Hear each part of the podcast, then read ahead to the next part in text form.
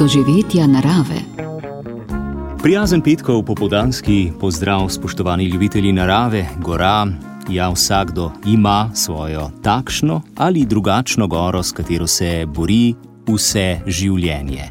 Tudi poleg nje je še vse polno drugih manjših gora, pa tudi hribčkov, ki mu stoje na poti.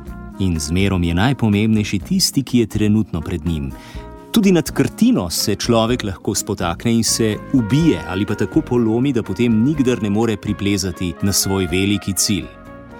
Zato je treba jemati v obzir tudi na vides nepomembne hribčke, morda so še bolj zlovešči kot velika gora in to prav zaradi svoje navidezne nepomembnosti. Kdo je zapisal te besede in komu so bile namenjene, boste slišali v nadaljevanju današnjih doživetij narave. V Nepal bomo šli, čez katerega je naš gost Viki Grošelj naredil križ. Najprej pa nekaj besed o zimskem koncu tega tedna. Jutri se bo zaradi bližanja ciklona in hkratni krepitvi območja visokega zračnega tlaka nad Srednjo Evropo veter nad nami kar okrepil, na primorskem bo pihala zmerna domočna burja v notranjosti Slovenije pa okrepljen severni do severovzhodni veter. Tako da jutri se odpraviti kam više ne bo najbolj prijazno, ker bo res eh, kar zoprno in hladno pihalo. Jutrišnje jutranje temperature, kot sva že prej omenila, bodo kar eh, pod ničlo, nekje od minus 8 do minus 2, le na primorskem bo ob burji malo nad ničlo. Najviše dnevne pa spet okoli nič, ampak v recimo gorah na višini 1500 metrov bo pa tam okoli minus 8 stopinj. Tako da uh, tam pa še, če prištejemo kakšen veter, sunki lahko tudi tam okoli 70 km na uro, bo pa občutek mraza kar hud, no? tako da s tem velja računati. Ne? Nedelja bo za spoznanje bolj prijazna, malce manj bo vetra, bo pa še kar bolj kot neoblačno, morda kakšen sončni žarek na primorskem, predvsem. Zima je v gorah že dolgo časa, zdaj je tudi snežna odeja precej debelejša, kar seveda pomeni, da je tudi nevarnost proženja snežnih plazov po zadnjem sneženju precejšnja. Upoštevajte to in počakajte, tudi vrhovi bodo. Andrej Novljan in Blaž Lesnik bova vseh vesela v družbi doživeti narave, prav k malu se nam pridruži tudi naš današnji gost, alpinist Viki Grošelj. Poslušate podcast Radio Ognišče. Podprite nas s svojo oceno. Viki Grošelj, lepo zdrav, dober dan spet pri nas v našem studiu. Dobr dan. Ja, lepo zdrav, seveda tudi vsem poslušalcem. Ja. Začeli smo tole vdajo z enim odlomkom, krasno mislijo. Vsaka gora je lahko nekaj zahtevnega, ne samo za alpiniste. To je stavek oziroma misel, ki jo je naš slovenski pesnik in prevajalec Janez Menard poslal v bolnišnico po odpravi Everest 1979. Ja, še zdaj imam eh, nekako eh, zelo, zelo lepe spomine na to, kar mal ganljivo zgodbo. Šlo je za to, da smo leta 1979 plezali zahodni greben Everesta. Eh, z Marjanom Manfredo so takrat dobila oba kar hude umrzline, so se prečasno vrnila z odprave. Spomnim se, da je takrat vsa Jugoslavija in še posebej Slovenija spremljala, kaj se, kaj se na gori dogaja. E, je bila pa ena zanimivost. Jaz sem v bazi, jasno, vsake prinesel s seboj kakšno knjigo, zato smo si jih potem malo izmenjavali. Taka mini knjižnica je bila v tistem času počitka, ki je bil na voljo na, na odpravi. In sem kot zanimanjem ugotovil, da imamo s seboj kar tri knjige Jana Zamenarta, ne, ki smo jih potem tudi med seboj si posojali. In mene je to na nek način navdušilo, da sem mu poslal eno pozdravno razglednico iz Podeverjesta in rekel, da, berem, da je najbolj bran pesnik eh, slovenski v bazi Podeverjestom, čeprav se prej osebno nisem poznala. In na tisto eh, razglednico, res smo jih veliko pošiljali, sem mal pozabil. Ne? Potem so se, kot pravim, z Marijono zaradi umrzlin vrnila eh, nekoliko prej v klinični center. In tja so mi od doma prinesli in potem eno prijazno kuverto, v kateri je bila ena od eh, knjig, eh, pesmi, ki jih je Janes Mirat prevedel, zraven pa potem tudi napisana eh, ta prijazna zahvala za to, da smo se ga spomnili pod Everestom in še eno tako lepo napotilo. No. da niso zahtevne samo najviše gore sveta, ampak se lahko človek ob kakšni kartinici tudi spotakne. Ne.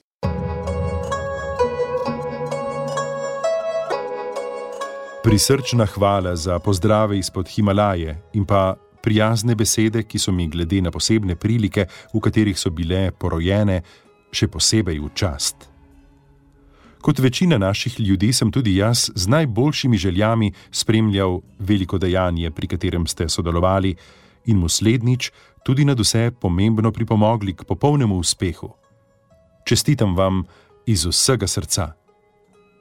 Želel sem vam poslati svojo zadnjo knjigo pesmi, pa je nažalost po drugi strani pa seveda tudi na veselje, ni nikjer več dobiti. Zato vam na mesto nje pošiljam svoje prevode Burnsa, ki sem jih prav po sreči nekje iztaknil, ker ti knjigo praviloma prodajajo le v kompletu s petimi drugimi.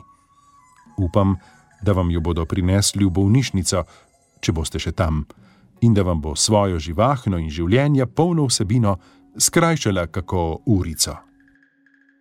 Ja, tako Janes Menard, res lep spomin in verjamem, da bo tudi tale knjiga, o kateri bomo danes govorili, Križ čez Nepal, priklicala marsikomu od številnih članov, številnih odprav lepe spomine. Pravzaprav, Viki, ko sem tole prebiral, je strnjena v to knjigo, ki je tudi kar zajetna, 300 strani ima, konec koncev, sa tvoja alpinistična pot.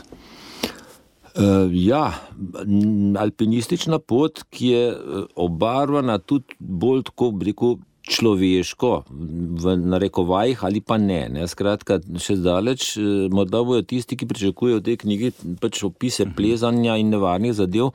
Eh, celo malo razočarani. Oziroma, jim namignemo, naj pogledajo kakšno od tvojih drugih knjig. Ne, ne, ne samo še malo počakajo, ja. ker sem sredi intenzivnega ustvarjanja eh, Aha. moje naslednje knjige, ki Dobro. pa govori izključno samo o mojih odpravah in bo verjetno išla eh, konec letošnjega leta. Ta je pa tista, v kateri opisuje dejansko eno tako pot od tistega mladega, fanatičnega plezalca, zagledanega v gore, še posebej v Himalajo, kako jo se je samemu sebi čudil, da je sploh pr prvič prišel tja, da je videl na lastne oči, kako so se potem te stvari razvijale in kako je iz res nekega fanatičnega zanesenjaka, pozitivno obsedenega ne, z najvišjimi gorami sveta. Eh, skozi vseh teh 46 let in še nekaj, ga je Himalaja kot taka ali pa ne pa preoblikovala ne, iz tega mladega zanesenjaka, fanatika, enega takega bolj umirjenega človeka, predvsem mu je pa zelo razširila pogled na svet, eh, ga ogromno naučila, eh, tako skozi pokrajino, skozi ljudi, ki so tam, skozi njihov način življenja. Ne. In skozi to knjigo pravzaprav pripovedujem o tem, kako sem se lahko tudi od ljudi, ki so za naše pojme malo manj razviti, ne, pa manj izobraženi, pa manjše možnosti imajo kot mi, kako se od teh ljudi lahko pravzaprav ogromno naučiš. Ne. To sem spoznal tam 20-30 let nazaj in se zdaj eh, pravzaprav samo to še dodatno potrjuje, kako je to zelo res. Ne. Ker naš svet, mm, se upravičujem, ampak to mnenje imam, je ta hip veliko bolj zbegan kot pa morda kakšni mal manj razviti eh, narodi, ki ali pa ljudje, plemena, karkoli že temu rečemo. Eh, ki živijo nekako svoje umirjeno življenje. Ne. V svojem kotičku in ne pogledajo nikamor drugam, vse življenje preživijo na tisti svoji nivi. Recimo, no, ja, ampak eh, skratka, nimajo te možnosti, ne, eh, ampak to ni, nikoli ni nujno slabo. No. Mhm. Kot pravim, jaz sem nikjer drugje v življenju, razen torej res v tistem krogu družine svoje. Ne. Eh, nisem uspel tako umiriti, kot sem se v Nepalu, ko so odpadle vse tiste dnevne obveznosti, stresi, ne vem kaj še vse, in se lahko umiril po svetu enemu samemu cilju. Ne. In to je tudi eno od privilegijev himalajskih odprav ali pa potovanj tja, da se ukvarjaš samo z eno stvarjo in to je še dodaten čar in mik in um, zato me z enako silo zdaj vleče, kot me je pred 50 leti. Križ čez Nepal, mislim, da smo že slišali to anegdoto, kako je uh, žena odreagirala uh, na ta stavek, da si naredil križ čez Nepal. Ne? Najprej uh, veliko veselje, potem pa drugo čustvo, ne, ki je prišlo po tej izjavi. Ja, res je, nehote sem dregnil v te slovenske reke ali pa pregovore. Ne? Ko čez nekaj narediš križ, je tega praviloma konec. Ne? E, Tule je bilo pa ravno obratno, še meham bolj intenzivno, res še danes se spomnim, kako je najprej eh, njen obraz zažaril, ker bom zdaj pač več doma. Ampak hip zatem je pa že postala nekako začudena, zakaj se odpovedujem Nepalu, ker ga imam, že, ker ga imam tako zelo rad, tudi ona se je navezala na njega. Ne. Eh, v tem času, ker so dvakrat potovala tudi skupaj. Ja. In seveda, ko sem jaz videl, kaj sem zagrešil ne, eh, s to izjavo, sem hitel pojasnjevati in se da njeno brstko eh, spremenil tako resigniranost, prijaznostjo s tem, da ne samo, da ne bom več doma, ampak celo malo manj, ne, dokler križa ne naredim. Poslušate zimska doživetja narave. Eno samo dolgo potovanje preko najvišjih vrhov sveta nazaj k ljudem, eh, ta križ čez Nepal, Viki Grošelj, kdaj se je izrisal kot ideja za rdečo nit, tudi knjige ne? in, in, in celotnega eh, projekta? Ja, zelo spontano, tako kot sem prej govoril, kako me je Nepal počasi oblikoval, niti sam nisem vedel, kam me bo zapeljal. Ne? Dejstvo je, da sem eh, nabiral od leta 1975 naprej kopico odprav, potovanj, raziskovanj, ki sem jih počel v Nepalu in se nekako podzavestno izoblikovalo, ali pa se je meni se zdelo zelo dragoceno. E, in vedno skušam, pa drugače nisem tako zelo organiziran človek, daleč od tega, ne? ampak zdi se mi smiselno, da nek zanimivo projekt nekako skušaš strniti v neko logično celoto. Ne? In v bistvu ta ideja, da bi prehodil deželo od vzhoda do zahoda in od severa do juga, se je nekako uh, izkristalizirala okrog leta 2010-2011. Takrat sem pravzaprav dokončeval to serijo Velikani Himalaja, televizijsko za televizijo Slovenija.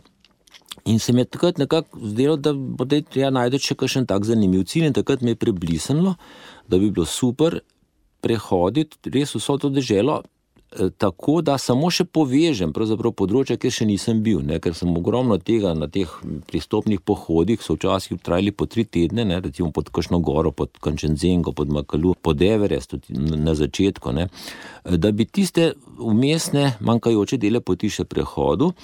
Ideja se mi je zdela perfektna, tudi zaradi uh, let, ne na zadnje, čeprav smo še vedno vram, samo v poznih mladih letih, ampak sigurno pa ni v nas toliko moči, kot je bilo takrat, ne vem, do 40-45 leta. In cilj je potem malo prilagodiš svojim sposobnostim. No, kakorkoli, uh, to sem potem uh, začel smiselno dopolnjevati, kar je manjkalo. In tudi vedel sem, da ga bom zanesljivo naredil, kajti vse najtežje stvari tega križa, ne, ne na zadnje, teh 5, 6, 8 tisočakov, ki so v Nepalu, ki sem jih spletel, je bilo že za menoj. Ne. Šlo je samo za to, da je po najbolj zanimivih predeljih povežen, da gre to bolj za pohode, niti ne več toliko za plezanje. Ampak trekinge, recimo. Trekinge, ja. Uh -huh. Bolj je šlo za to, da dejansko, ampak vsak meter Nepala ali prehodim ali pa preplezam. Ne? In seveda, ko sem to idejo dobil, sem si jo tudi z veseljem lahko malo obelodanil, sem s pomočjo podpornikov potem eh, lažje prišel tudi do sredstev, da sem to eh, nekako dokončal. Eh, in zelo enostavno je bilo to razložiti, ne? da je vse najhujše za menoj, da se mi ne, na zadnje bi tam zelo težko kaj zgodilo na teh, teh nižjih predeljih. Ampak tudi tukaj sem se malo štel. Ker leta 2015, eh, ko smo šli, v bistvu še tri alpinistični kolege so šli z menoj, tja, to je bilo spomladi, leta 2015 prehodili naj bi področje eh, Langtang Himala, to je področje v neposrednji bližini pravzaprav Katmanduja, kjer naj bi res hodili do višine maksimalno tam 4000-5000 metrov, ne gre, je šlo za klasični trekking. Ampak tudi tam smo doživeli eno najhujših preizkušenj v mojem življenju, namreč eh, zajel nas je ta katastrofalni potres iz magnitude 7,8 in eh, tisto načrtovano, brezkrbno pohajkovanje spremenil dejansko v pekel. No? E, tako da tako hude preizkušnje, ne, kot smo jo doživljali po potresu, ti se štiri dni, ko smo se vračali čez ta razrušena področja, e, mislim, da v tem čustvenem smislu nisem nikoli doživel niti na, na, na odpravah. Ne.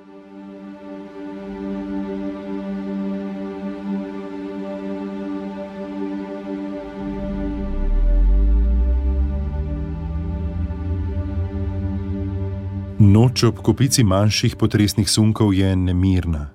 Zjutraj se čez nasutine smrtonosnih skal prebijemo preko najbolj nevarnega dela ceste za mostom.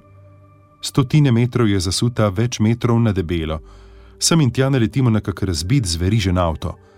Ponekod se je polovica voznega pasu preklala in zdrsnila dva, tri metre niže. V treh urah smo v Sjabruju, apokaliptični prizori podrtih in razpokanih hiš. Ljudje zunaj strahoma pogledujejo strma pobočja nad naseljem, odkudar se usipajo manjši zemljski plazovi in kamenje. Sredi tega kaosa pa stoji naš džip brez ene same praske. Vodja nosačev Kanča se je do tu kar dobro držal, sedaj pa je na robu živčnega zloma. Hoče, da ostanemo tu, da nas bodo evakuirali s helikopterji. Za manj ga prepričujem, da imajo helikopterji in njihovi piloti zdaj v Nepalu veliko nujnejšega dela, kot je evakuacija nepoškodovanih turistov. A je kot to hromel od strahu in z enako na smrt preplašenim šoferjem se odločita, da ne gresta nikamor in bosta ostala tu. Iz avta poberemo najnujnejše reči in se odpravimo nazaj, z dobrim občutkom, da smo samo zadostna ekipa, ki bo lahko poskrbela zase, ne bo nikomuru na poto ali breme, pa še pomagali bomo lahko tistim, ki potrebujejo pomoč. Na kaj takega kot potres človek res eh, ne pomisli, ne, ko načrtuje eno pot in trekking čez Nepal, čeprav so kar pogosti, ne, tudi tam uh, ja, v delu Himalaje. Če, če sem čisto odkrit pomisli, ne, kot en starejši, ko imaš izkušnje, ko si tudi kaj doživel, to niti ni bil prvi potres, ki sem ga doživel, samo seveda v takem obsegu, pa jasno ne. ne. Tako vemo tudi, da je Nepal je potresno področje, da ta azijska plošča rine pod Himalajo, pa jo še celo malo dviga in da zaradi tega tam nastaja, samo da se bo zgodilo kaj tako v, v takih orjaških razmerah, pa takrat ni bilo za pomisliti. Ampak tudi tam, no, moram reči, da smo odreagirali zelo dobro. Zelo sem bil vesel, še enkrat povem, da so bili trije moji alpinistični kolegi, tudi med njimi zdravnica Vlasta Konaver, ne, da so bili sposobni same sebe rekel, uh, umiriti, umirit, vzdrževati in uh, sami zase poskrbeti. Ne. Če bi imel takrat seboj 10-15 uh, klientov uh mhm. -huh. na trekkingu, bi se stvar obrnila čisto drugače. Mogoče pa res zgoraj nekdo, ki je takrat rekel: Pejte, rajš samo vi štirje, ki ste. Uh, ne vem, da se v teh štirih dramatičnih dneh potem lahko vse srečno končalo. Ja, ja, in brez zapletov, ne uh mhm. samo to. Ne, ko sem jaz videl tisto razdejanje, sem nekako se je nekaj zganilo v meni, v tem smislu, da sem rekel, če se pa izvlečemo, moramo pa tem ljudem uh, skušati. Nekako pomagati. Ne. In nastal je sklad, vi ste nastal, v bistvu zelo spontano. Jaz sem prišel takrat domov, uh, že takoj naslednjo, istega leta, jeseni, odpotoval dol, prej pač povedal ljudem, kaj se je zgodilo, prijateljem, znancem, tistim, ki so zdaj z mano že potovali dol. Eh, sem rekel, vračam se tja jeseni, če ste pripravljeni kaj prispevati. Odziv je bil izjemen, lahko rečem, in seveda tiste zbrana sredstva sem takrat, eh, jasno, da smo jih samo zamenjali v rupije in potem izročili neposredno v roke tem ljudem, prizadetim. Sem natančno videl, kje smo se mi vračali, smo se tja potem odpeljali tem ljudem to dal eh, in seveda. Mm, njihov odziv me je potem nekako navdušil nad tem, da sem s tem svojim projektom pomoči nadaljeval, v bistvu ga še vedno, še vedno eh, vodim. Če so se zdaj že malo posledice potresa umirile, so se pa seveda pokazali pa nova področja, kjer lahko nekako eh, rekel, pomagam tem ljudem. In ta pomoč je tudi. Tako kot celoten razvoj, o katerem so prej govorili, pa to oblikovanje, ne, kako je Nepal vplival na me, je nastal zelo spontano. Ne. Tudi to se je pojavilo in jaz trdim, to z veseljem počnem. Tudi kar nekaj sredstev sem uspel spraviti dol, ampak nikoli jih ne bom mogel toliko, da bi poplačal tisto, kar so ti ljudje meni na nek način dali. Ne. Tako da to je tako medsebojna, lepa, lepa, lepo dopolnjevanje. In tudi to sem se nekako od teh ljudi naučil, da ko vidiš to njihovo hvaležnost, ne, kako, in, kako z dostojanstvom to sprejmejo. Ne. ne gre toliko za materialna sredstva kot taka, ampak občutek, da nekdo na drugem koncu sveta misli eh, na nje, da niso ostali sami. Ne, eh, ne veš, kdo se bolje počuti, tisti, ki prijema ali tisti, ki daje. Zimska doživetja narave. Če se Viki Grošelj vrneva k križu čez Nepal, koliko je bilo potem teh kilometrov, teh povezovalnih kilometrov med tistimi, ki ste jih z odpravami že eh, naredili v preteklih letih, od leta 1975, se pravi v glavnem po Sredogorju, nižje ležečih predeljih, koliko se je tega nabralo? Uh, da imamo tako zalažen predstavo. Ne? Uh, Nepal spominja kot dežela, celo po obliki na nekoliko shujšano nekdanjo Jugoslavijo. Ne, malo bolj stisnjeno, mm. drugače 900 km zračne razdalje je dolg, od 250 do 300 km širok in eh, noter v tem območju sem deloval na tej poti. Eh, to morda tako 900 km ne zveni pravzaprav veliko, ne? ampak pri teh mojih poteh je bilo pomembno, so bili pomembni višinski metri, ki se jih je ogromno nabralo. Ne? Eh, recimo, če si tam naredil po dolžini 15-20 km, to pomenilo, da si lahko marsikdaj 2000 ali pa celo več višinskih metrov na tej poti moral narediti. Ne. Ampak mislim, da sem, eh, pa mal na pamet govorim, ampak se ne bom zmotil dosti, ampak recimo, če sem prej prehodil 40% mojega križa, prijem sem ga zavestno začel dopolnjevati, ne, to strani 60% sem moral potem, ko je že ideja prišla, narediti. Ne. Kar je precej? Eh, je precej, ampak predvsem zanimivo, da je to pomenilo praktično samo zahodni del Nepala. Ne. Ta osrednji in pa vzhodni sem že imel tako rekoč prehojen zaradi teh odprav, zahodni pa nima tako ekstremno visokih vrhov, čeprav ima čudovite, visoke tudi tam do 7300-400 metrov, ampak zahodni del Nepala je praktično turistično popolnoma nerazvit. Ne. To so še področja, kamor moraš eh, nesti čisto vse s seboj, tako kot naše prve odprave. Ne. Pomeni, da tam ne moreš dobiti ničesar ne, in moraš vse. Torej, ne samo za sebe, tudi za nosače, ki hodijo s teboj, eh, imeti eh, pri sebi. In vem, da smo šli tja, ja, enkrat, tri take poti sem imel potem. Ne. Enkrat smo bili štirje, eh, enkrat samo trije, pa potem še enkrat štirje. Ampak smo za tiste naše poti, torej za štiri ljudi, recimo, smo rabili šest spremljevalcev, pa še. Eh, mislim, da deset mul, ne, ker so morali nositi ne samo za nas upremo, tudi za te nosače. Skratka, to je bila taka prava. Potovanje v neznano, je bilo pa. Vse, kar ste potrebovali, vse, je bilo hrana, nositi, ra, razen vode, ne, ki je pa, je pa hvala je Bogu, Nepal ja. je zelo vodnat ja. in saj tega ni bilo treba tovoriti s seboj. In smo bili zdaj, torej od leta 2019, ko ja. sem te zadnje dele na zahodu delal, uh, sem doživljal, da je že tako kot takrat, čisto na začetku, ali pa še celo mehen bolj, kot pravim, ne, ker so z živalmi smo, smo nosili, ne, nismo videli, kam bomo prišli, kako bo, uh, skratka, očrljivo. Zanimivo, ja, tule je na ovojnici zemljevid in na njemu značena fotografija z datumom 12. oktober, čisto severozahodni del ja. uh, Nepala, takrat se je križ končal. Formalno, jaz sem, seveda, nisem čist ekstremne uh, uh, geografske točke države iskal. Ne. To ja. bo enkrat mogoče še neka druga zgodba, ki bo tudi zanimiva, mhm. ampak sem v bistvu si zamislil res svoj, svoj križ, ne, ki je pa res mal nenavaden, da ne rečem unikaten. Namreč začenja se v smeri vzhod-zahod na nadmorski višini, komaj 67 metrov nad morjem. Ne. Eh, na severu se pa konča na vrhu Makaluja, to je pa 8400 in še nekaj. Na vzhodu, ne, ta vzhodni del je tudi zelo zanimiv, ker se začenja na vrhu Kančenzenge, tretje najvišje gore sveta. Ja. Odmaknen 8000 čak. Tako je, ja, na vzhodu. Eh, na zahodu sem pa pravzaprav izbral pa že nekako znano točko, ker se tam, na, torej v naselju Hilsa na meji s Tibetom, Eh, pravzaprav pa končuje tudi ta uh, Great Himalayan Trail. Ne, to pomeni tisto prečenje Nepala, pohodniško, uh, so se nekako odločili, da ga bodo tam končali. Ne. Jaz sem si tudi to zamislil, da je to super točka. Ta skrajni geografski zahod bo morda še neka druga zgodba, kot sem rekel, v prihodnje, ampak ti se mi je zdelo nekako razumljivo in logično, no, da ga tam konča. In kot pravim, nastal je pravzaprav nekako križ ne, čez, čez ja, Nepal. No. Če se tako pogleda, zemljevid ja. je res tak. Eh, bolj, bolj ta, ja. kot kakšne no, skandinavske države, ja, države imajo svojo zastavo, ta križ raztegne. Ja, ja.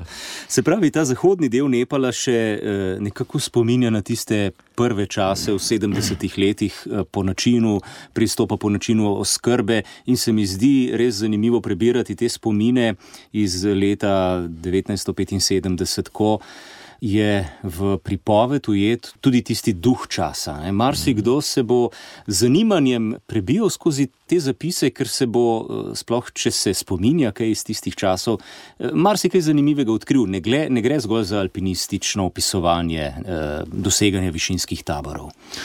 Zanesljivo ne, to sem jaz upam, da že zdavnaj, zdavnaj prerasel, ne, ker te stvari so bolj kot ne, morda zanimive za nas poznavalce, ne, uh mhm. -huh. kako smo tam postavljali. Eh, meni je šlo pa vedno bolj za to, da nekako to eh, spustim na neka normalna tla, oziroma da pokažem tudi, da smo alpinisti čist običajni ljudje z nikakršni neustrašni junaki, daleč od tega, s vsemi svojimi strahovi, željami, upi, zmagoslavi in tudi porazi in tudi tragedijami. Mhm. Pač, ljudje, kot se reče, v, v enem kosu, samo naša dejavnost je pač morda malo neobičajna, eh, hočemo pa jasno biti na tistem, s čimer se ukvarjamo, pa poskušamo biti čim boljši. Ne. No, ampak ta pristop, ki je trajal več tednov, recimo po mhm. -huh. dolini, skozi riževa polja, tu so bili iz dneva v dan novi dogodki, srečevanje z domačini, eh, popovdne ordinacija odpravarskega zdravnika Damjana. Ja, to so zelo, zelo eh, rekel, eh, lepi spomini na čas, ki je nekako nepreklicno menil. Ne. Mi smo takrat, to je bilo še jasno v času Jugoslavije, nam se je zdelo tudi zaradi recimo, eh, Aldeša Kunaverja, ki je bil eh, nekako spiritus agens teh naših odprav dol, da je vedno ni pomembno samo to, da gremo mi tja in nekaj splezamo, ampak da tem ljudem, ki tam vendarle živijo, pa v Jugoslaviji ni bilo življenje ravno eh, kraljevsko, ne? ampak v primerjavi z Nepalom je pa bilo, ne? Mhm. da tem ljudem skušamo na nek način pomagati. In takrat smo v vsem tem, tem pomankanju sredstev za odpravo, pa vedno je bil se našel prostor za dva tovora zdravil, ki jih mi nismo niti slučajno rabili toliko, ampak le še rekel, v vsaki vasi, ki tam sledi brez zdravnikov, je fino, če eden, a včasih imajo celo dva zdravnika, odpreta svojo ordinacijo za najprej nosače naše in potem pa še sveda za te okoli, eh, okoliške ljudi. Ki so morali potem hoditi peš do prvega zdravnika, ne da pa zdravnik ne nama prišel v njihovo vas. Ne. In ta, rekel, medsebojna medsebojno simpatiziranje, naklonjenost in pomoč eh, je bil seveda silno, silno pomemben del teh naših odprav. Bil je pa malo sence tega, ja, kaj, pač takrat je bilo pomenilo, ali bomo splezali ali ne in kaj se je na gori dogajalo, ampak ta. Lahko rečemo, socialni del ne, odprave je iz, pri meni ne, iz leta v leto zelo pridobival na, na teži.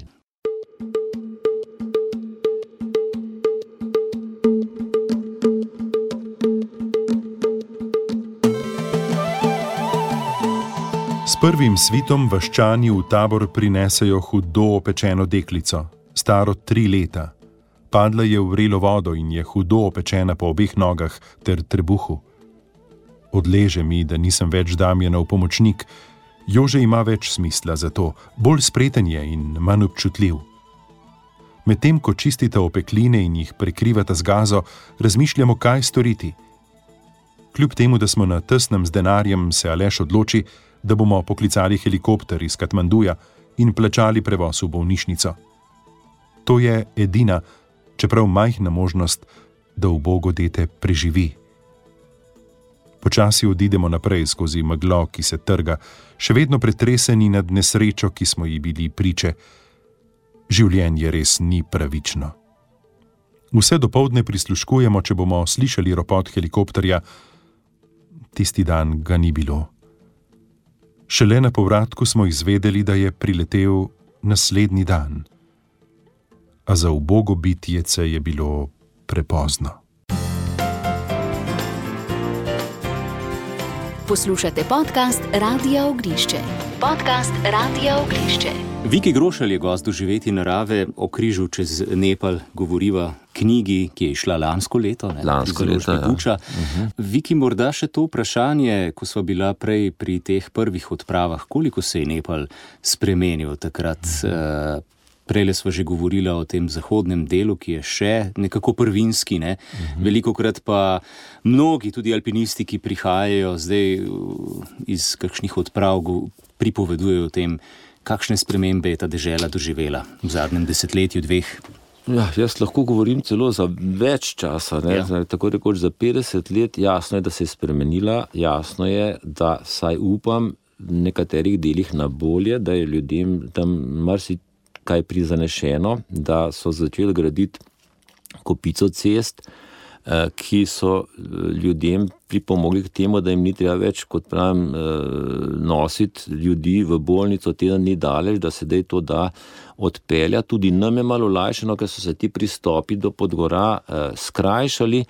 Zelo je bil tak poučen del, ko sem bil leta 1975, ko smo hodili peš do vasi Hile in sem jo potem obiskal, ko sem te manjkajoče dele etap še dal. In takrat v tej vasi nisi mogel videti debelega človeka, ker so vsi ljudje hodili in nosili. Ko sem 40 let kasneje prišel, nisi v vasi mogel več videti suhega človeka. Ne? Zato, ker so vsi ljudje nehali hoditi, ceste so bile narejene. In ko so prišla z mojim nasačem tja in sprašvala za naslednjo vas, kako daleč je še, so rekli eno uro, ne? pa se meni čudno zdelo, da se to mora biti več, ne se neko, ni, to je pa tem, jaz mislim, ne štiri, pet ur. In so se strašno čudili, a mi smo mi da pešiti tja, ne? ker oni se vsi vozijo, nimamo denarja za avtobus, bi nam pripravljeni pomagati. Tako, tako, tako so bili osupli na tem, da kdo še tam peš hod, kjer ni treba. Ne? Da eh, so nam skušali eh, nekako pomagati, ne, mhm. eh, ne vem, kot pravim, z denarjem za avtobus. Potem so se izgojili sa romarja, takrat so pa stopili v to, pa spoštujejo in so rekli, ja, se ja, če greš tam peš, pa tam pet ur. Ne, pet ur prva ta sprememba, ki sem jo. Velika sprememba in za njih je jasno pozitivna. Drugače pa tako, eh, za vse, ki jih morda skrbi, da Nepal ni več tako, kot je bil, naj bojo čisto brez skrbi v Nepalu, seveda, komod še najdeš. Tako na zahodu, kot v tem relativno turistično razvitem, srednjem ali pa vzhodnem delu področja, kjer boš se do dobro naužil eh, samote, zanimivosti ali pa tega občutka, kot da si stoletja nazaj v tej deželi. Ne jasno, globalizacija dela svoje, ne prinaša vedno samo pozitivnih stvari. Ne. Majo, Nepalci imajo mal problem s smetmi. No. Če čisto eh, preprosto povem. Tudi ne samo v večjih mestih, tudi više. E, više ne, na trekingih se še kolikor to, bolj kot ne v mestih ali pa v teh poteh, ki niso izrazito turistične, ali pa se tam mimo samo peleš. Uh -huh. Sveda, jasno, standard se vendarle dviguje, smeti so nepomemben del za nje. Eh, pa, kdo bi njih učil, tudi nam najbolje ne uspeva, pa se zelo nekako pri nas trudimo. Eh, res pa je, ne, da turizem je tam pri njih silno pomemben del reku, industrije, morda celo najpomembnejši. In če ne bojo uspeli poskrbeti za to, je dejstvo, da uh, se to lahko obrne. Ja? Obrne se ljudje, tujci, kljub lepim goram in ne vem čem še. Na to, v narekovajih, v to smetišče ne bojo uh, več prihajali. Ne? To se pravi, da kot pravim, razvoj nosi pozitivne, negativne stvari in najdete treba neko pravo mero. Ne? Ena od stvari, ki me je še malce presenetila, prav zadnje odprave pred meseci, ko smo plezali na Himlung, sem ugotovil, kako so zdaj agencije nepalske, ki ti poskrbijo in uredijo vse tisto, kar smo morali mi prej urejati, recimo nosače, plačilo in tako naprej. Eh, sem nekako zaznal, kako so Nepalci med seboj veliko bolj poslovni, neko rajh, to pomeni stiskaški do, do, do, do svojih sodelavcev. Ne. Skratka, nosači so se veliko bolj pritoževali, kako malo dobijo od uh, agencije za to, da nam nosijo, tako da smo jim potem morali celo mi malo pomagati. No, skratka, so zgolj delovna sila. Delovna sila, ki jo treba izkoristiti. Ne, uh -huh. to, mi smo, upam si trditi, no, da saj za slovence, da smo imeli ta. Eh, socialni čut bistveno bolj razvit, kot ga pa zdaj oni med seboj. No. To so ta moja opažanja oziroma te spremembe. Kako pa je recimo z dovoljeni dan danes, seveda za najviše vrhove, pa tudi za te trekkinge, je še toliko birokracije in čakanja? Ne, daleč od tega, odvisno je sicer, kako se lotiš tega. Ne. Še vedno imajo to, reko, svobodo, ti lahko čist sam individualno priješ in si to sam urejaš. Ne. Jaz tega že dolgo ne počnem, ker eh, se mi zdi škoda časa in energije, pa tudi nisem prav na ti z birokracijo. No, to mi je šlo vedno malo na živce, če je bila, eh, eh, če je bila preveč raz, razpasena. Uh -huh. To imaš agencijo, ki ti vse uredi, temu primerno pač plačaš, ampak to je zdaj neprimerljivo lažje. Ne. Samo denar moraš imeti. Ne. Tudi ta zadnja odprava, ko smo bili, smo se mi z agencijo dogovorili, do baznega tabora minimo nobenih obveznosti, vse more eh, pač eh, tako biti, tako kot smo se dogovorili, to so vse oni poskrbeli. V baznem taboru smo imeli tak standard, kot ga prej nikoli nismo imeli, ne na naših odpravah. Ja. To je malce težko za tiste romantike, ki se spominjajo baznih taborov Te... kot nekaj, eh, ne, dobro, no, seveda, udobja ni bilo. Ne? ne, bilo je takrat največje možno, ja, ne, tako, ampak. Ja. Kje so razlike? Ne? To je zanimivo. V, v, takrat smo eh, bazni tabor začeli postavljati, jasno si urediti čim bolj udobno in smo ponovadi začeli valiti skale za jedilnico, ne? pri tem se je še kdo poškodoval hrbet, pa imamo težave na gori, ne? zdaj nas so nas tam pričakali udobni stoli, taki režiserski, v katerih smo sedeli, ki so jih prinesli gor, ki bi jih že takrat, pa se tega nihče ni spomnil ali pa se jih v Nepalu ni dalo dobiti. Ne? Ja. V tem času smo tam sedeli tudi na vrečah hrane, ne, ampak potem iz dneva v dan smo niže sedeli, ne, ker smo to porabljali. V paznem taboru smo tako imeli uh, vece posebej odvojen s stolom, skratka, uh, te stvari ti zdaj znajo urediti. Hrane, eh, vrhunska hrana, no, poskrbijo z vsemi dodatki, mogočimi in nemogočimi, in na koncu je kazalo, da smo bili s tem absolutno preskrbljeni, tako smo celo manj hrane porabili, kot pa smo v tistih naših časih, ko smo mogli malo paziti, da bo, da bo vsega dovolj. No, skratka, pozitivne spremembe za nas je pa na tej zadnji odpravi tudi to fino, da smo ta, te usluge koristili do baznega tabora, nad bazo smo potem delovali sami, kar je pa vendarle še vedno bistvo alpinizma, ne da ti zdaj napeljejo vrvi do vrha gore in se potem ti dobro, nekaj moš vložiti, ampak da besedno sprehodiš še pod njihovim varstvom do vrha. Ne. Ta komercialni del. Ja, to je komercialni del, ki pa tudi, eh, dokler je povpraševanje, bo tudi ponudba. To, mhm. ampak to res, kot pravim, to pa nima zveze več s nekim alpinizmom, kaj šele vrhunskih, ampak gre nekako, nekako bolj za ekstremni turizem. Ne. Mhm. Ki pa spet jasno, tisti, ki ga to zanima, bo to počel, sam pa v tem smislu ni nič proti, ker vendarle zaposluje pa veliko nepalcev, ne samo eh, pač eh, vrhunskih šerp, ki delujejo na gori, ampak vsa ta. Eh, kot pravim, delo dobi še kupica drugih ljudi. Tudi iz nižjih slojev, tudi iz nižjih slojev. Ja, ampak se, ja. koliko so plačani, smo se ja. že prej pogovarjali, ampak vendarle, če človek hoče Nepalu pomagati, je najbolje, da ti odpotuje na eno potovanje ali pa izlet, ker bo s tem najbolj konkretno prispeval k temu. Ko ti pa potuješ po državi, pa ješ v neki restauraciji in uh -huh. naročiš neke nosače, kupiš nekaj med potjo, poješ ne na zadnje v teh njihovih ložjih in tako naprej. In ta pomoč se tako nekako vendarle lepo razdeli med ljudmi. Uh -huh. Kateri je najlepši trekking v Nepalu? Kakšno lažje vprašanje. Ne, ne, ne.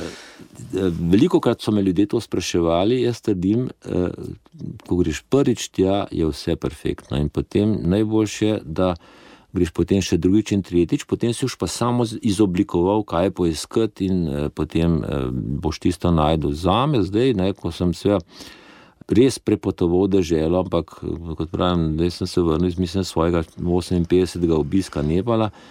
Žlahtni klasiki še vedno, torej okrog Napuren, pod Everest, eh, sta dve stvari, ki jih še vedno priporočam, čeprav eni pravijo, so zelo zlajnane in nekako zelo hm, shojene, ampak ni res. Ne? Ti samo zamenjaš stran doline, po kateri hodiš, pa boš doživel nekaj popolnoma drugega kot tam.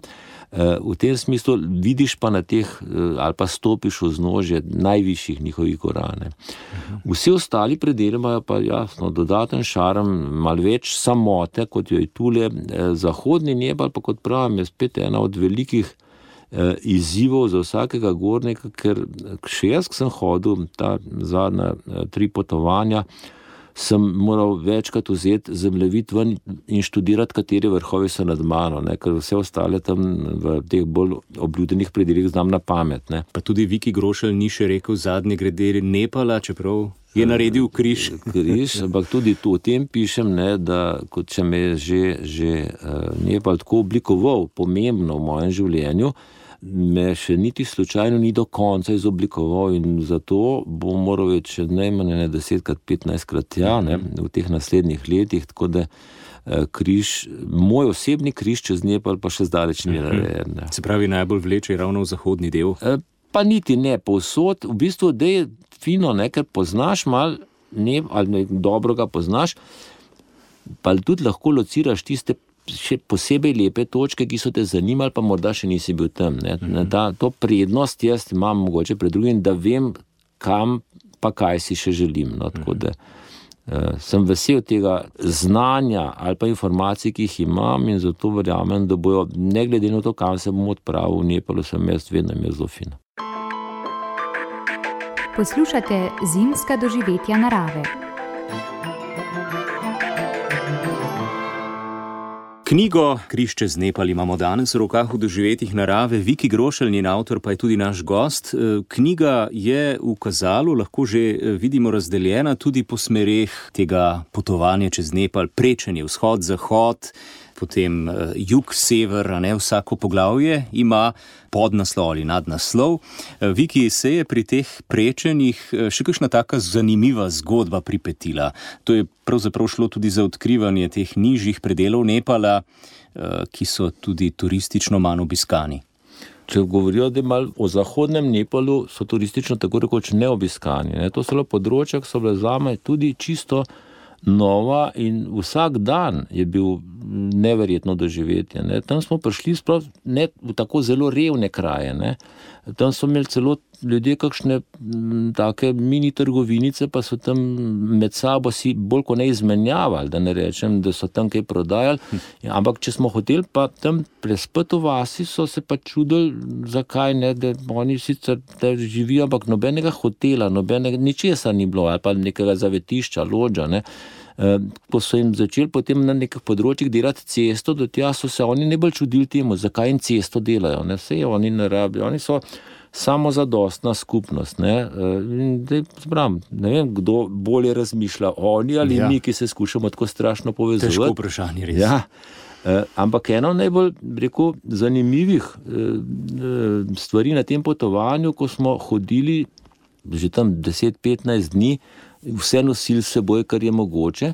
Smo na neki planini Kajam, na višini okrog 3000 metrov, naleteli na dve eh, rekel, hišici, kolibi, kakorkoli teh pastirjev, ki so imeli pa na strehi ne take čudne okraske, meni se zdi, da so podobni našim križem. Ne? Eh, in sem potem, seveda, vendarle, ko smo tam v bližini postavili šotor, smo jih šli obiskati, se malo pogovarjali. Pa sem jaz tako nekako naivno ali pa na nek način se mi je zdelo strokovno vprašal, kaj so oni po svoji eh, religiozni pripadnosti. A so budisti ali pa hindujci, ker to je edino, kar v Nepalu eh, je poznano. Ne? So mi tako z nasmehom odgovorili, da so oni kristijani. Ne? In to je bilo eno največjih mojih presenečenj. Pred leti sem namreč že sodeloval z, z misionarji v Katmanduju, ameriškimi, ki so pač jasno širijo tudi krščansko vero, ob tem, da bolj skrbijo za izobraževanje eh, otrok. Tam sem imel šole in sem ta pater Morgan, s katerim sem se pogovarjal, rekel. Eh, krščanstvo v Nepalu kakšne velike možnosti nima, ne? vendar je tam, so te starejše vere, budizem in hinduizem bolj zasidrane. In jaz sem to, s tem vedenjem živel naprej. No, in da je leta 2018 ne, smo v neki totalni divjini, do katere z kjerkoli smeri greš, moraš hoditi vsaj deset dni, da prideš tja, naletelne na skupnost. Ampak tu so bili kristjanov. domačini. Domačini, seveda, domačini, ki tudi nihče ni mogel, eh, no- nobenega misionarja ni bilo, ki je v bližini. To so oni prinesli, to svojo uh -huh. vero v tiste gore. In moram reči, da po tisti prvi osuplosti, pa priznam, da sem bil čisto raznežen, ne, ker je to pokazalo, kako tolerantni so Nepalci do vseh ver. Ne. Vse sprejemajo z nekim spoštovanjem, eh, nič jim ne nasprotujejo, ampak se skušajo uživati. Predvsem pa, kot pravim, zelo spoštljivo to, to račune, eh, eh, nekako gojijo ali pa cenijo to. In to, moram reči, me je še dodatno privezalo na Nepal. Ne. Ta eh, toleranca med ljudmi, med načini razmišljanja, ne na zadnje med religijami. ne. Veroizpovedmi. Kako pa sobivajo budisti pa hindujci? Eh, Zelo dobro, ne? večino praznikov praznujejo skupaj, ne- nekateri se pa zelo ločujejo med sabo, ne? ker so uh, hindujska vera je nekoliko bolj v narekovajih krvoločna, ne? predvsem za ta, da saj njihov največji praznik. Sveda usmrtijo na milijone, lahko rečem, živali, od kokoši, ovc do kos, predvsem. In imajo pač te, po njihovih obredih s krvjo teh živali, ne, eh, poškropijo eh, hiše, v katerih živijo, avtomobile, s katerimi se vozijo, celo kakšne računalnike, zato ker je to pač del tradicije, da bo to, to pač prinaša srečo. Del obreda. Del obreda, ja, ampak eh, zanimiva je pa reakcija budistov, ki so pa zelo proti. Za me to je ena takih bolj, ne, najbolj tolerantnih, pa milih ver. Ne. Pa v tistem času, ko hindujci to počnejo, te svoje obrede, ostajajo doma eh, in molijo tako za žrtve, kot za morilce. Eh, tak, se pravi, ja, zanimivo in kot pravim, ne, da to. Jaz si predstavljam, sem kar nekako mal načitam, pa razgledam, kar se teh eh, življenja po svetu tiče. Pa ne nazadnje pr- v praksi to preizkušam, ampak ta m, zanimiva toleranca no, me pa totalno presenetila. No, Se pravi, tudi sprejem eh, neke druge veroizpovedi, kot je krščanstvo, na to gledajo tolerantno. Absolutno. Ne? In to, pa, da se je tam noter pa nekako eh, ohranilo, obdržalo, ne? sem, jaz sem bil čisto navdušen. Poslušate zimska doživetja narave. Viki Grošelj, gost današnjih doživetij narave, bo tudi sliko prikazal ta križ čez Nepal in sicer v Cankarevem domu čez teden dni, to je Petek, eh, 27. januar je to, ja, Tako. ob 19. uri. To se pravi, Viki, šlo bo za en tak prikaz v slikovnem in besednem eh, smislu, ne, za ta desetletja raziskovanja te čudovite dežele. Natančno tako, eh, zdaj, če se malo pošaliva, eh, gre v bistvu za zvočno knjigo. No. Prebral v narekovajih, vam jo bo sam avtor, jasno je, da bom tam eh, seveda v tem predavanju vključil dejansko ta moja še dodatna videnja razmišljanja, vsega jasno, kar je v knjigi ne moreš povedati, ampak se bom pa osredotočil na, na tiste stvari, ki so se me nekako po svoje najbolj dotaknile. Ne. Vesel sem tudi, da je časni konzul Nepala eh, v Ljubljani, gospod Asvin Š- Šresta, nekako eh, z veseljem sprejel moje povabilo, da na začetku pove nekaj besed, ker se vendarle eh, bo mm, govorilo o njegovi, pa na nek način tudi moji ali pa naši, naši deželi. Tako da mislim, da bo to res en tak zelo, zelo eh, prijeten, prijazen večer in eh, prijazno vabljeni. Torej, prihodnji petek eh, zvečer ob 19. Ja, Linhartova dvorana. Ja, karte pa mislim, so še na voljo, čeprav se menda zelo, zelo dobro prodajajo. bo treba ponoviti ali pa narediti tako kot septembra, ko je bil na obisku Trajah odmestne. Ja. eh, štiri dneve. Kakšen vtis je pustil uh, Viki? Uh, Meni osebno izjemnega, mi smo se v bistvu šest dni skupaj, ne, ker je en dan prej prišel in dan kasneje eh, odšel. V bistvu so samo potrdila tisto, kar so nekako vedela drug o drugem. Eh, obljubil je zanesljivo, da pride še v Slovenijo res kot eh, na obisk, kot prijatelj javno, seveda, torej, da bi kje nastopil. Ne, vendar je bila to res nekako the final expedition, kot pravi, ampak še vedno zelo intenzivno sodelujeva tudi pri tej moji novi knjigi, ki jo pripravljam o mojih odpravah. Ne, je nekako bil vesel, ko sem ga zaprosil, če bi napisal predgovor in seveda, da vseeno, če se malo pohvalim, Eh, predgovor je že imam. No, tako da sem me presenetil, tako hitro ga je naredil, da jaz še knjige nisem napisal. predgovor pa je, torej, to je pomembno. Začetek ja. je. Tako, tako je. Se pravi, vi, ki bo hmalo spet skupaj, knjiga izide eh, predvidoma letos? Predvidoma eh, proti koncu leta, ja. uh -huh. če pa se bo mal uh, zamaknilo, pa tudi nič hudega, ker knjiga bo pa res ta mogoče moja najpomembnejša ali pa v narekovajih najtežja, ker pa noter bom skušal pa ne prav zelo na široko, ampak opisati vseh mojih 33 odprav najvišja gorstva na našem planetu, ali pa najbolj odmaknjena. In zdaj, ko jo intenzivno pišem, se včasih pa res kar ima samo sebi čudim. Kje vse sem pravzaprav bil? No, tako da zelo, zelo z veseljem eh, pišem, zelo z veseljem nastaja.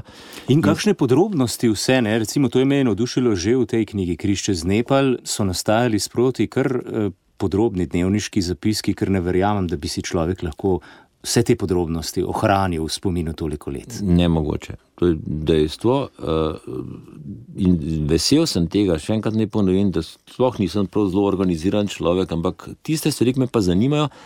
Sem pa od rane mladosti zapisoval. Ne? In danes, ko imam doma tam na policiji 40-50 zvezkov teh zapisov, mi ravno pri tem pisanju pridejo še kako prav. Če sem čemu sam sebi hvaležen, no, je, bilo, je bilo to, da sem to zapisoval. Ne? Eh, in, ja. Tako da imam kopico podatkov in s tistega bom skušal res izduščiti tiste najbolj ključne, pomembne za, za zadnje razumevanje našega početja. No. Dragoceni spomini in zelo zanimivo branje, tudi kot rečeno, za bralce, ki niso doma na, v alpinizmu in jih pravzaprav tudi neko osvajanje višin ne zanima toliko. Tu gre za knjigo o deželi in ljudeh. Eh, Viki za konec kaj je Nepal, oziroma s čim najbolj navduši? Uh, Nepal je Šangrila, za moje pojme, pomeni dežela, kjer je vse dobro in prav, kjer so ljudje prijazni med sabo, kjer si skušajo pomagati, in to je dežela, po kateri pravzaprav vse človeštvo hrepenine. Da bi nekje živeli v enem miru, v enem razumevanju, v eni lepoti, v eni medsebojni pomoči. Uh, Nepal je pravzaprav same osebno največji približek tej izmišljeni deželi ali pa simbolu nekega hrepenenja. Ne. Pa naj se zveni še to mogoče malo pretirano poetično, ampak dejansko tako mislim, tako Nepal doživljam. Ob vseh plusih in minusih, ki jih vsaka država, ne nazadnje tudi vsak človek ima, ampak zase lahko rečem, Eh, da sem prav zaradi Himalaje in seveda posledično Nepala takšen človek, kot sem. Ne. Iskrena hvala vsem tistim, ki želijo dobiti v pogled v ta Vikijev Nepal in verjamem, da še eh, marsikoga, ki je tam potoval, bo ta knjiga lepo dopolnilo na knjižni polici. Viki Grošelj, torej čez teden dni v Cankarjevem domu, danes v doživeti. Hvala lepa. Hvala tudi vam za povabilo doživetja narave. Hvala, spoštovani ljubitelji narave, gora za pozornost. To so bila petkova doživetja narave, ki čisto ob sklepu napovedujejo jutrišnje 33. državno tekmovanje Mladina in Gore. V postojni se bo odvilo, v planinskem znanju, tako teoretičnem kot praktičnem, se bo pomerilo 24 članskih osnovnošolskih ekip, sedmič pa bo sočasno potekalo tudi tekmovanje za srednješolce, kjer se bo pomerilo 16 dvočlanskih ekip. To bo pravi planinski konec tedna oziroma planinska sobota, vsem vam pa res varen korak na prav vseh poteh in srečno do prihodnjega petka. Naročite se na podcast oddaje. Storitev je brezplačna.